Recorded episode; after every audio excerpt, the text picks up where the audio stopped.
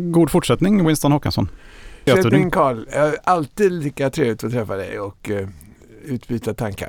Jag kommer ihåg senast du var här så var det ju väldigt tråkig börs. Uh, och vi hade, det såg jättedystert ut i oktober. Det var ju uh, mörka... Oktober är alltid en dålig månad. Ja, det brukar vara det. Ja. Jag tänker vi ska gå in på det men det kommer lite frågor då och då. Vem är den där Winston? Ja. Jag tänker vi kan ju ta det igen. Vem, ja, vem, vem är du? Vem är jag? Ja, alltså jag började då som börsmäklare på dåvarande Sparbankernas bank 1972. Så det är några år sedan. Det är några år sedan ja. Ja, och då eh, så gick man ju på börsgolvet och eh, först var man ju då bara sån här praktikant jag säga. Jag var ju fast anställd men, i banken men, men, men jag var på Sparbankernas bank som sagt. Men, men eh, där på börsen där var man ju liksom en, en, en ganska obskyr person innan de hade börjat lära känna en. Och då hade man ju då köp och säljorder man skulle utföra där på, på börsgolvet och då så tittade de lite på mig. Vad är det här för någon kille som kommer här? Jag var ju då, kan ha varit 27 någonting sånt där. Mm. Så att eh, eh, jag var ju liksom, eh, ja, ett, ett nytt kort, ett nytt ansikte. Mm. Men så småningom så gick det ganska bra. Och på den tiden så gjordes affärerna fysiskt då ju? Absolut fysiskt och det var ju upprop sittande. Det var en eh, sittande börs, ett, ett, en börssal. Där man satt i pulpeter, två och två, så ett tvåbänkssystem så att säga. Och eh, där var då alla börsombud, det vill säga då alla banker som fanns på den tiden plus ett antal privata bankirfirmor. Mm. Och eh, de eh, samlades klockan kvart i elva varje vardag morgon. Och så var det upprop. Och då hade de redan funnits där sedan tiden med den här så kallade fria listan som inte var en lista som ropades upp utan där man bara antecknade köp och säljkurser på, på en, en, lista som fanns där på börsen. Och så fick man in en köporder, gick man hit och så sådde man lite grann och så höjde man kursen och skrev sparis då efteråt. Var, hur, hur lång var handelsdagen på den tiden? Alltså den slutade halv tre. Så det var mycket, kortare handelsdag? Alltså. Mycket kortare och då var alltså uppropet började kvart i elva. Det var en kort paus och sen så fortsatte de och när, de var klara då ungefär vid ja, beroende på hur pass mycket affärer det var, men lite före tolv skulle jag säga. Och sen så eh, var det då, så fort ett papper var ropat så var det fritt att handla det pappret. Och då kunde man alltså gå då, men jag såg att till exempel SE-banken hade varit storsäljare i eh, Atlas Copco. Då kunde man gå till dem och säga, hör du, har du 2000 Atlas så tar jag dem. Mm. Ja, men det kan du få, säger de. Och så var det så. Mm. Och jag var ju då institutionsmäklare som det heter. Så att jag sysslar med att köpa och sälja större poster aktier. Så jag satt ju inte alls bara på börsen utan ibland satt jag hemma också för det var uppe på banken för det var lite mer lugn och ro. Mm. Men, men samtidigt så gällde det att vara på börsen det var där det hände. Där fick man liksom man träffade alla också? Man träffade alla, man kände vibbarna. Det här var bra, det här var inte så bra. Och, och ja, man behövde bara vara där ett par minuter så visste man hur den här dagen skulle gå. Mm. Och det, var, det var väldigt kul faktiskt. Och, och, och på den här tiden, vilka var det som var de mest kända då? Var det, var det så Erik Penser? Och... Ja, Erik Penser och Thomas Fischer var ju då huvudfigurerna på, på Langerskiölds som det hette på den tiden. Mm. Och eh, de gick in i den här bankirfirman Langerskiöld som bestod av en man och en hund i stort sett. Men Karl Langerskiöld, han gick dit och åt lunch varje dag, så gick han tillbaka till sitt kontor. Mm och gjorde inga affärer. Men han hade, alltså Langeskiölds var medlemmar av börsen så de hade ju rätt att göra affärer. Och ibland gjorde de det, men inte särskilt ofta. Nej. Och då kom eh, de här pojkarna, eh, Fischer och Penser, de kom dit och så satte de helt fart på den här lilla firman. Alltså. Från en mm. sovande liten institution till en otroligt aktiv firma. Mm. Och det var ju de som satte igång hela den större aktiehandeln kan man säga. Och då mm. talar vi alltså omkring 1970.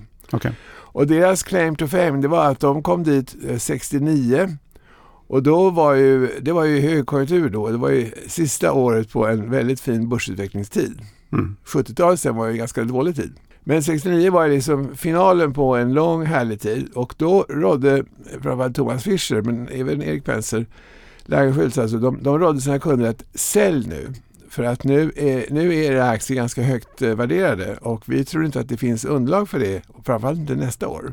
Och de hade ju helt rätt. Mm. Och så de fick ju fart på marknaden, fick loss en massa aktier som de då sålde på börsen från sina eh, kunder och gjorde sig ett namn. Så det var deras, det var deras entré på marknaden kan man säga. Okay. Ja. Och det här var alltså 1969 man, ungefär. Mm. Och sen 1972 började du? Och 72 började jag och då hade ju börsen gått ner då. Alltså, 70 var en dålig, dag, mm. ett dåligt år. Och, och sen 71 var det väl lite sådär mittemellan och jag kom 72 och då hade det börjat lite grann bli bättre igen. Sen kom 1973, det var en katastrof för det var ju då eh, oljekrisen började. Just det, och ransonering av bensin och sådär. Absolut, och då var jag där på börsgolvet. Det var väldigt mycket spännande. Mm, det var faktiskt det. första gången jag uppträdde i TV kan jag säga. Okej. Okay. så det var ju väldigt, eh, det var en spännande tid alltså. Och mm. vi var ju då inte så många, så det var sju stycken tror jag, eh, privata bankirfirmor och eh, eh jag tror att det var för mig var 18 medlemmar så det måste ha varit 11 banker då. Mm. Det låter lite mycket men, men på den tiden så fanns det ju en del mindre banker också. Alla, alla provinsbankerna var ju med med varsin.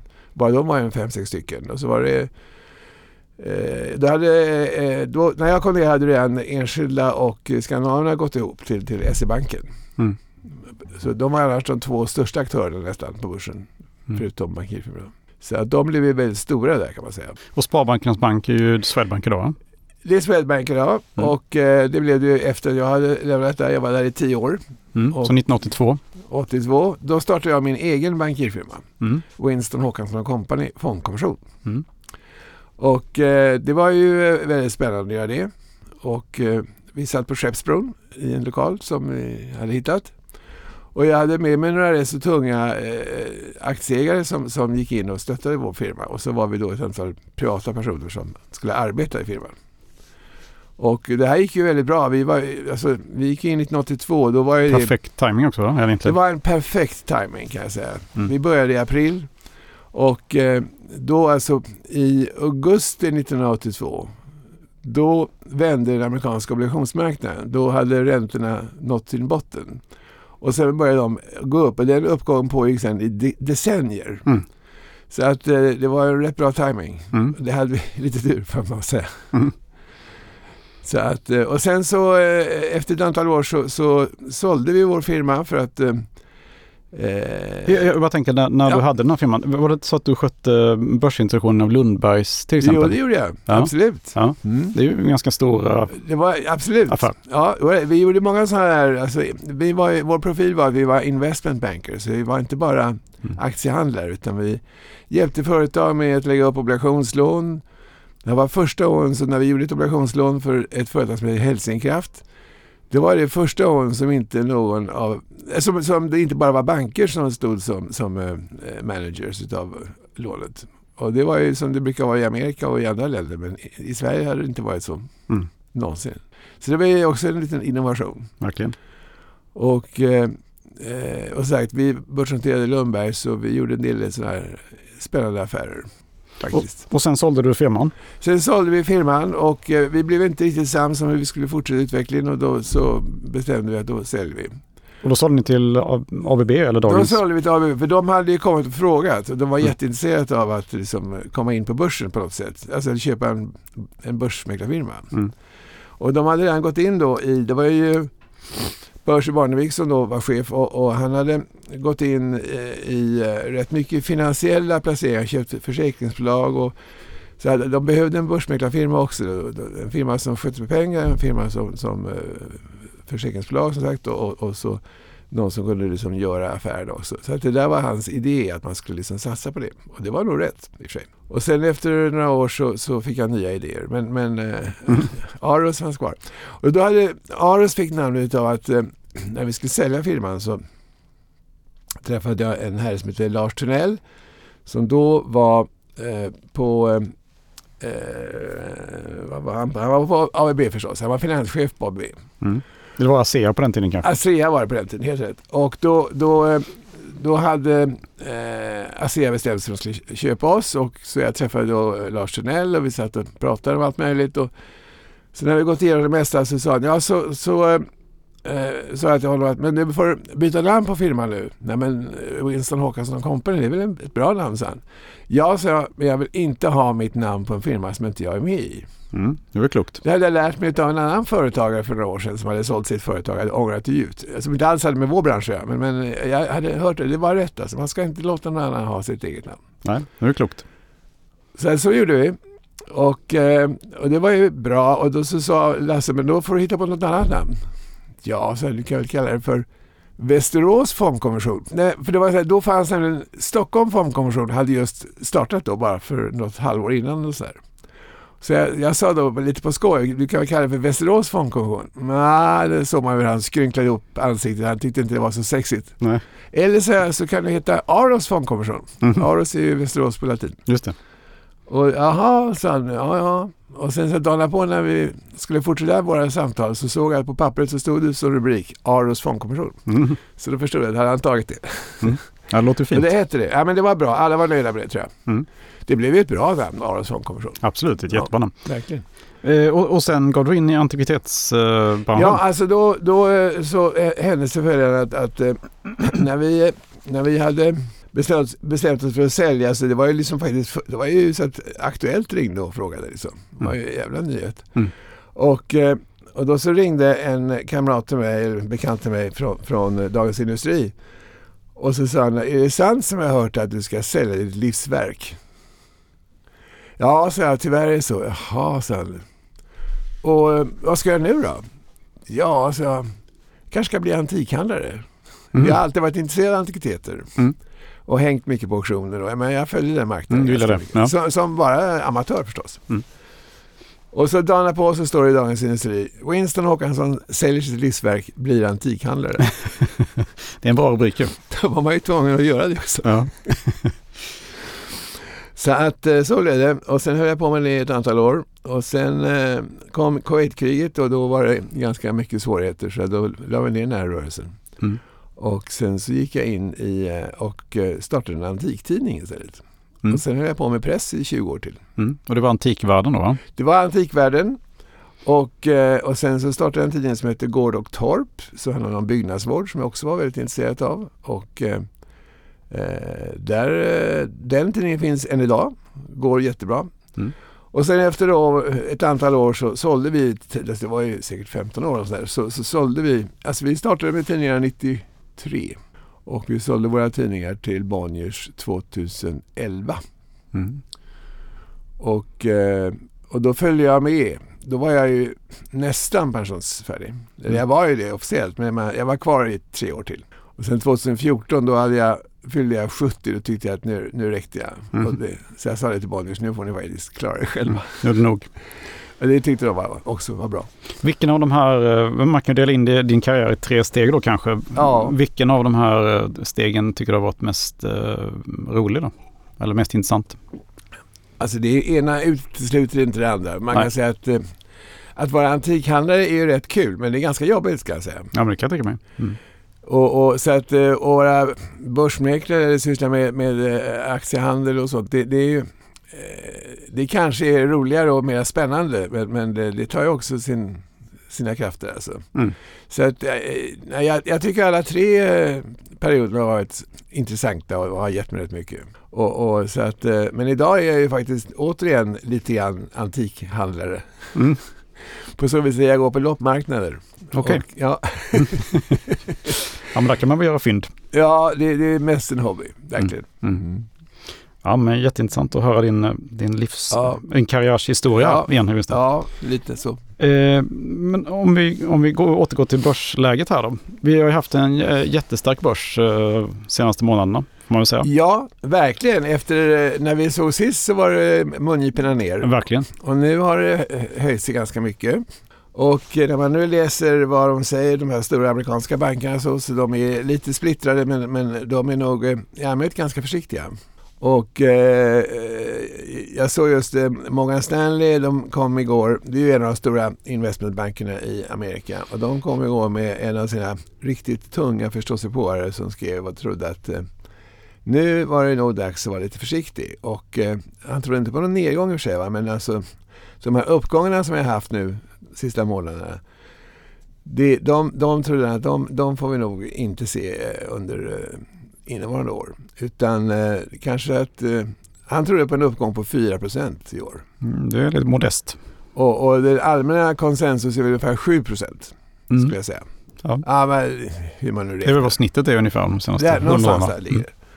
Och, eh, Och Morgan Stanley då, för att ta dem ännu en gång, de, de, de har ju ofta stuckit ut lite grann och varit lite eh, avvikande. Och eh, jag har alltid haft stor respekt för dem, men jag har inte riktigt följt deras, eh, jag har inte följt deras eh, råd kanske så mycket. Utan jag är ju nog mera för eh, JP Morgan och, och, och Bank of New York, som jag tycker verkar ha bra koll på läget. Mm, som ja. du själv äger också. Mm. Och, och, men alltså det finns ju många duktiga banker. Citibanken kan också ha kloka synpunkter och är duktiga på att göra analyser och, och, och och sen har det alltid varit en fight mellan Goldman Sachs och Morgan Stanley. Och Goldman Sachs har alltid varit den giftiga, lite mer aggressiva parten. Åt mm. båda hållen. Mm. Och Morgan Stanley har varit lite mer lite försiktig. Hur som helst, så man lär sig mycket när man följer de här amerikanska bankerna. Och jag gör det ganska mycket faktiskt. Och, och eh, det, det, man får liksom en, en ganska bra eh, body, liksom, vart det här kommer att gå någonstans. och, och vad som pratas om nu då, inte minst hos Morgan Stanley, som jag då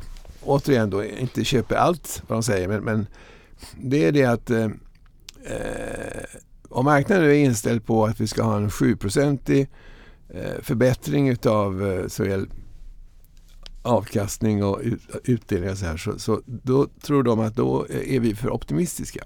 Mm. Det är inte orimligt. Och jag kan väl hålla med om det, att det, det är nog lite grann och sen så en annan sak som vi måste prata om och det är att i Amerika, man talar om Amerikas amerikanska börs ungefär som det var en enhet. Det mm. är det ju inte. Det är, liksom, det är tusentals företag. Exakt. Och där finns ju då i toppen storleksmässigt, alltså börsvärdemässigt, så mm. finns det en 6-7 företag som är gigantiska. Magnificent Seven pratar man om va? Ja, precis. Vi känner ju alla till dem. Va? Och mm. de har ju en värdering allihopa som är gemensam och det är att den är väldigt hög. Ja. Alltså det, jag vågar inte säga att den är för hög, men jag skulle gärna vilja säga det. Men, men, men eh, vis av erfarenhet så ska man aldrig döma ut någonting i förväg. Men den, den, den värderingen av alla de här Magnificent Seven, de är ju eh, så höga att eh, det ska ju till väldigt mycket för att man, för att man ska kunna våga köpa aktier. Mm. Jag har ingen av de aktierna. Nej. Nej. Inte haft ganska länge. Okay.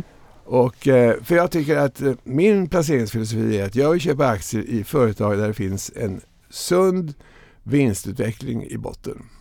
Inte framtida vinster, utan en vinstutveckling som pågår nu alltså. Mm. Förra året, i år, nästa år. Nu är vi, vi inne i en vinstperiod.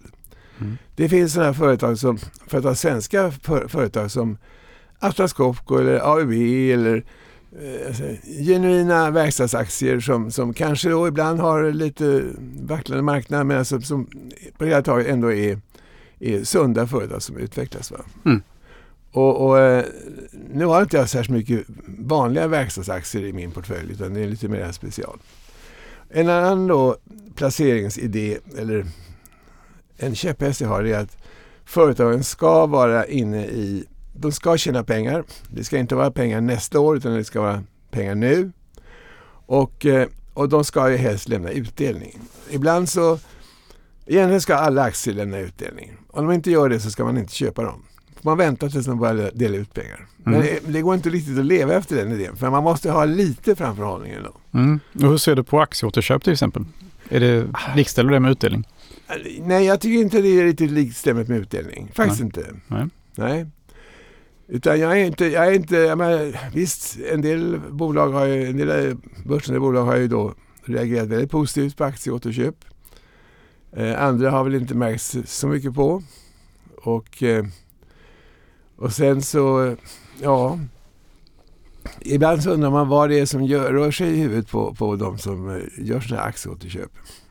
Men, men vissa går ju bra. Jag menar, ta till exempel det här danska rederiet eh, AP Möller? AP Möller, de har ju haft mycket aktieåterköp och det är, så fort de talar om att de ska göra återköp så går ju kursen upp. Mm. Men då den går upp än, än sen, mm. när de verkligen gör återköpen. Just det. Och det är också någonting att tänka på. Så att, eh, ja, det är alltid bra att de gör det men det är inte, det är inte därför jag köper aktierna kan man säga. Nej. Inte de aktierna. Nej. Så du tror um, lite skeptisk till uh, den här stora uppgången vi har sett och uh, kanske ändå att uh, man inte ska bli alltför euforisk just nu om jag tolkar, tolkar det rätt? Helt rätt Carl, helt rätt. Ja. Ja, en måttfull börs under 2024. Mm. Och, och då är det bara att titta tillbaka i historisk utveckling. Vad är en måttfull börs? Ja, den går kanske upp 7 men det är bra om den går upp 7 mm. Och, och eh, man kanske får nöja sig med de 4 procenten som Morgan Stanley talar om. Ja. Och, eh, men, men någonstans i spannet skulle jag säga. Just nu känns det som att där kommer vi att gå. Det betyder att det är inte så stora uppgångar. Och eh, då kommer nästa fråga. Om man nu sitter med lite pengar som man vill placera, ska jag då köpa obligationer? Mm. Ja, det kunde ju vara en bra idé. Om man kan få eh, en, en, om man hittar en obligation som ger en skaplig avkastning och som, som inte är så lång löptid på. Så att man inte riskerar eh, för stor nedgång om som räntorna skulle slå åt andra hållet. Och just nu så känns det ju som att det, nu börjar folk att rekommendera obligationer både i Amerika och i Sverige. Mm, och, det har jag hört många, många ja, säga också. Precis. Mm. Och, och, eh, jag, men jag kan väl tänka mig att om man inte har något annat för sig så, men förmodligen så är det bättre att amortera på ett uh, bostadslån. Eller, eller någonting liknande som man har glömt bort att man har. Mm. Det är lätt att göra det. Ja. Och då kanske det är bättre att betala av det, för det brukar man nästan alltid kunna göra, en, Mm. en förtida återlösen. Mm. Och eh, det skulle jag nog tro är det man ska börja med att titta på. Mm. Istället för att försöka spela räntemarknaden. För att, eh, ja, Den är den svår. är lite lömsk alltså. Ja. Plötsligt så går det inte ner så mycket, alltså plötsligt går inte räntorna ner så mycket och då sitter man där. Mm. Så att, eh, men jag är ju inte någon obligationskille egentligen utan jag är aktiekille. Och, och hur ser det ut nu då i din aktie, på din aktielista då? I min portfölj, Mm. ja, ska vi som vanligt, ska vi ta det nerifrån och upp för en gångs skull? Ja, det kan man göra. Och då börjar vi alltid med några sådana här lite, lite tveksamma, men alltså in, inte stjärnklara saker. Men, men eh, Lite chansningar kanske. ja, lite så. Alltså, det finns ett papper som vi har haft någon gång då och då som jag har sett att de har nu äntligen börjat hända någonting med och det är Ratos. Ja. Ett bra investmentbolag var det en gång i tiden. Nu har de ju nästan ingen aktieportfölj, de har det men den är inte så viktig. Och, eh, och, och de har ju en väldigt duktig chef och eh, också en duktig styrelseordförande i P.O. Söderberg. Och, och de, de, eh, alltså det är, om allting stämmer där, om alla stjärnorna står i, i rätt position så, så kan det där nog bli ganska bra Ratos så småningom. Mm. De har inte rosat börsen på rätt länge kan jag säga. ja, det var väl på 90-talet de gick väldigt starkt. Ja. Det är ganska länge sedan. Men men, alltså, så att, eh, men jag, jag följer de där. Jag har inte gjort någon, jag har ingen aktuell djupanalys på dem så jag ska be få återkomma till det. Men, men eh, jag har bara noterat att nu börjar de liksom, jag har ju med dem på min lista över potentiella, jag har ju min lilla lista. Mm. Det är inte så lite förresten. Och, och eh, de har liksom seglat upp där så att eh, det, det är långt kvar men, men eh, ja, på plats nummer 10 Ratos. Med en, eh, en liten chansning. Ja, intressant. Ja. Ja, man måste ju chansa ibland Man också. måste det blir testa. för tråkigt annars. absolut. Och plats nummer, nästa plats då, det, är, det blir plats nummer nio. Det är CTT Systems. De har vi haft med. Luftfuktare i flygplan. Exakt, det kommer nog bra ihåg Carl. Eh, Mm. de har ju blivit lite aktuella nu eftersom det var ett plan som hade lite för mycket luftfukt. Just det. Ja. En Tunn hemsk historia. Alltså. Ja, Tänk vad det kunde ha ställt till med. Alltså. Mm. Fy farao, att en dörr flyger ut. Liksom, om de hade hunnit upp då på, på, på rätt höjd den där dörren har flugit ut. Va? Mm. Då är det minus 50-55 grader. Ja. De har dött direkt. Nu är det Hela, 5000 meter var hela, det hela, nu. hela, äh, varenda person som var på planet. Ja, usch. Och nu var det ingen som eh, skadades. Ja, det var ren tur ju. Otroligt tur alltså. Mm. Och så verkar det vara ett produktionsfel också hos Boeing. Ja. Det är trist. Tänk att de liksom, de kan hålla på hur länge som helst. Det kommer alltid dyka upp produktionsfel. Så att det är som, Mm. Egentligen ska man, sådana här bolag som, så nu är CTT Systems, det är ju en underleverantör som har varit oerhört framgångsrik i många, många år. Ja. Och är det fortfarande.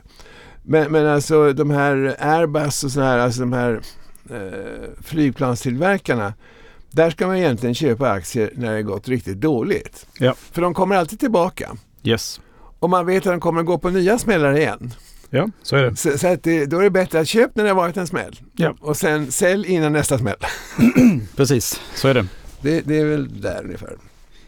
Ja, Det är en väldigt ut, utsatt bransch, eller väldigt känslig bransch för väldigt många olika sätt ju. ja Alltså. det kan man verkligen säga. Men, men CTT Systems har varit otroligt eh, duktiga och framgångsrika. Mm, verkligen. Så går vi vidare till, sen har jag då en aktie som jag också har pratat om ibland och det är Blackrock. Blackrock är ju då, det är världens största kan man säga förmögenhetsförvaltare. Och eh, de har skött sig otroligt bra faktiskt. Och eh, jag har ju då i min... Eh, jag har då ett antal aktier, jag tror att det kan vara, en, som jag har på min observationslista. Det kan vara då, det är alltså alla aktier. Det här, alla de här aktierna äger jag, eller, eller har ägt och är fortfarande har, har dem på min observationslista. Men i princip så äger de allihopa. Och Blackrock är då eh, ett företag som eh, faktiskt i Alltså jag har då en liten statistik över, över hur de har gått då. Nu är Blackrock inte idag utan det är naturligtvis igår. Mm. Och sen då en vecka, en månad, tre månader, sex månader, i år, ett år, tre år och fem år. Mm. Och det här har jag hämtat från Avanza, så jag är liksom, det, det är Avanza som har gett mig den här listan. Mm. Och de där tittar jag på ett antal gånger om dagen. Mm. Och eh, eh, då har Blackrock är alltså då ett av de företag som jag nu då tar upp här som har som står på plus på alla de här olika tidsperioderna. Eh, mm. Och då är alltså bakgrunden är den att eh, jag har gjort en fundamental analys och sen så är det som så att en fundamental analys kan vara hur bra som helst men man måste också ha känsla för vad som händer på marknaden. Kanske har alla de här fundamentala faktorerna som jag har hittat, de har redan marknaden upptäckt, mm. då är jag för sen. Ja. Så det är därför som jag har hjälp av den här listan. Va? Att mm. eh, se vilka som inte är för sent på. Mm. Och, Blackrock de växer ju framförallt väldigt mycket inom börshandlade fonder. Eller? De gör det. De, de, är alltså mm. världens största fond, äh, fondutgivare så att säga. Ja. Och eh, sen har vi eh, ett företag som nu tar jag dem alltså i kursmässig ordning här, men som jag är lite tveksam till, men som ändå jag gillar och det är Norsk Hydro. Mm. Uh, aluminium. Mm. Aluminium. Och uh, alltså, Norsk Hydro är ju då all, alla bolags moder, jag säga. De har utvecklats, jag tror det finns fyra eller fem bolag på, på Oslobörsen som kommer från Norsk Hydro. Mm. De grundades 1905 eh, där bland annat familjen Wallenberg var inblandad. Och just innan, innan unionsupplösningen. Och, eh, och sen så har ju Norsk Hydro sysslat med allt från olja är det kanske som man mest hör talas om. Men det är också väldigt mycket andra eh, för, föremål. Och till sist då inte minst aluminium då som är då det var en av grundbultarna i deras verksamhet. Det är därför som den, den industrilinjen har fått behålla namnet på mamma då, Norsk Hydro. Mm. Så att, mm. Ja, men sen har vi Equinor som är olja och så vidare. Så Just det. det kommer från samma håll. Va? Men det, mm. aluminiumtillverkningen var deras ursprungliga verksamhet. Alltså fick den industrigrenen behålla namnet. Jag förstår. Mm. Mm. Och det, det, är en bra avkastning och eh, eh alltså i man ser de, de aktier som går bra idag, så det är ofta genuin verkstad, eh, banker, och, och eh, även då eh, eh, metall och gruvdrift i, i viss utsträckning. Eh, nästa papper på den här lilla listan är då ingenting av det här. Utan det är ett företag som jag hittade här någon i, i eh, sent i våras, eller början på sommaren. Och de heter då eh, Scandinavian Astor Group. Okej. Okay. Vi har pratat om en gång förut tror jag. Ja, jag känner igen det också. Mm. Och de eh, de sysslar med någonting så avancerat som, det är ett försvarsmaterialföretag. Mm. Och de sysslar med att tillverka radio, äh, radarstörningssystem. Ja, vad intressant. Det är ju verkligen på ropet just nu. Mm. Och de äh, har en rad olika äh, krigsmateriel idéer på gång och både, som de har både börjat med och, och, och ska börja med. Mm. Och eh, aktiekursen ligger då runt en 10 kronor och jag tror att jag hittade dem när de låg i 4. Och då kan man tycka, är det inte för sent? Nej, det är inte för sent tror jag. Mm. Utan eh, det här företaget är fortfarande väldigt litet alltså. Mm. Och, eh, så att eh, det här lägger man längst eh, under huvudkudden mm. och, eh, och så vaknar man med en smäll när mm. det går bra. 320 miljoner i börsvärde just nu. Ja, det är inte så mycket om man jämför med Electrolux. Till exempel. så att... Eh, Aktien upp 175 procent på ett år. Ja, och de kom ju alltså ut på, på börsen i våras någon gång. Jag kommer inte ihåg riktigt. Det kan varit i eh, april eller något sånt där. Mm. Ungefär. Ungefär Och eh, jag var faktiskt med på tidigt stadium där, för jag råkade hitta den där bara, vad är det här för någonting? Och sen sådär med radio, alltså med, med radarstörningssystem. De, har, de hade ju eh, ett antal industridelegationer från olika länder, bland annat Frankrike, som nappade och har nu köpt deras grejer. Så att de, de fick mycket uppmärksamhet i, i, militära kretsar så att säga. Sverige är rätt bra på högteknologi när det gäller uh, militära... Ja, vad det... Ja, vi, har, vi kommer till ett annat bolag snart. Mm. Uh, så att de är med på listan. Sen har vi då vi måste ha lite banker också för att känna att vi är säkra här. Exakt. Och då kommer vi till Bank of New York. Mellon. Mellon. Men den har du haft uh, de länge? De har vi haft med. De har inte gått särskilt bra men nu tycker jag att de, har, de kommer inte gå ner med i det här fallet. Utan det här är liksom det här är en säker och otroligt välskött bank. Det är en av världens äldsta banker. Mm. Grundade 1789. Oj. Mm. Det är rätt tidigt för ja, Amerika. Tidigt. Mm, verkligen. och då hette de Bank of New York och sen så eh, fanns det en annan eh, fin gammal bank som heter Mellon Bank och de där två slogs ihop för kanske, mm. vad kan det vara, fem, sex år sedan. Mm. Eh, rätt hygglig avkastning. Eh, inte jättehög men ändå skaplig avkastning. Mm. Men om man vill ha en bank med... Eh, nej, nu ska jag, innan vi kommer dit så har vi faktiskt ett företag som heter Astra. De har också skött sig ganska bra. Men det, det är lite smolk i bägaren där. Alltså. Men, men de är okej. Okay, men jag känner mig lite, lite osäker. Men de är i alla fall med. AstraZeneca? Ja. Mm, mm. Uh, jag har inte hunnit gå igenom liksom deras produktportfölj nu på ett tag så att, uh, jag vill gärna få återkomma. Men de, de, är med på listan i alla fall. Jag, jag har mm. kvar dem och allting. Men, men uh, mm. förmodligen är det bra. Däremot en solklar placering som jag känner just nu. Det är, ett, det är en verksamhet som du vet att jag inte har gillat förut. Och det är banker. Svenska banker eller? Svenska banker. Ja, de har du verkligen inte gillat. Nej. Men SE-banken har nu faktiskt visat eh, framfötterna här nu ett bra tag. Alltså. Så att mm. jag har jag sträcker upp händerna och ger mig. Oj, oj, oj. Det här är faktiskt stora nyheter. Ja. Han gav sig till slut. Ja. Och eh, ja, men alltså SE-banken, vi säger på fem år har de gått upp 58 procent. Det är inte så här lysande egentligen. Men, men man får ändå, alltså idag så tror jag man ska vara Eh, lite ödmjuk när man går in på börsen. Man ska inte vänta sig 20-procentiga uppgångar i år. Va? Det blir det inte. Nej. Utan det blir som sagt kanske mellan 4 och 7. Mm. Och, det är, 7 procent är ju en, en, en eh, framräknad så att säga, årlig tillväxt på börsen. Ja. Långsiktig. Ja. Exakt. Ja. Och, och, vi kommer vara där, eller något under som jag tror under mm. 2024. Så att men, men eh, året är långt och det är, det är upp och nedgångar och i början på året så här brukar det alltid vara ganska bra. Ja, eh, för man har ju eh, fina rapporter att se fram emot och så småningom också utdelningar och sådär. Mm. Men det har ju varit lite hackigt. Men ja, väldigt hackigt och det var väldigt så här precis vid årsskiftet också som det började ja. gå, gå lite svagare. Mm. Exakt, så att det, det osvuret är bäst. Men SE-banken har i alla fall en väldigt skaplig utdelning. Mycket ja, bra. Och så att, men vill man gardera med banker då, så vi har ju nu pratat om flera banker här, så har vi en bank till här och det är faktiskt JP Morgan. Min okay. gamla favorit. Din andra favorit ja, i USA. Mm. Och den har inte gått så jättebra eh, på ett bra tag. Men nu har den kommit ner på en nivå som jag tycker att nu, nu börjar den kännas, eh, nu är den faktiskt eh, helt okej. Okay. Eh, på fem år har den gått upp 70 procent. Det får man säga, det är rätt så okej. Okay. Det är väl helt okej. Mm. Det är mycket okej. Och på ett år 23 procent. Så det och det är exklusiv utdelning också. Ja, precis. Så att eh, jag tror att JP Morgan, det, det, skulle jag säga, det är en aktie man kan ha och, och, och bo med. Alltså. Hela livet? Ja, länge. Verkligen. Mm. Eh, då har vi tre, tre bankaktier då.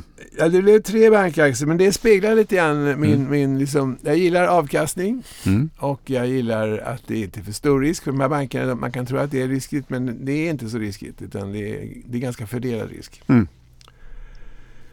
Sen eh, eh, så har vi en gammal favorit som vi har haft med hur många gånger som helst tror jag.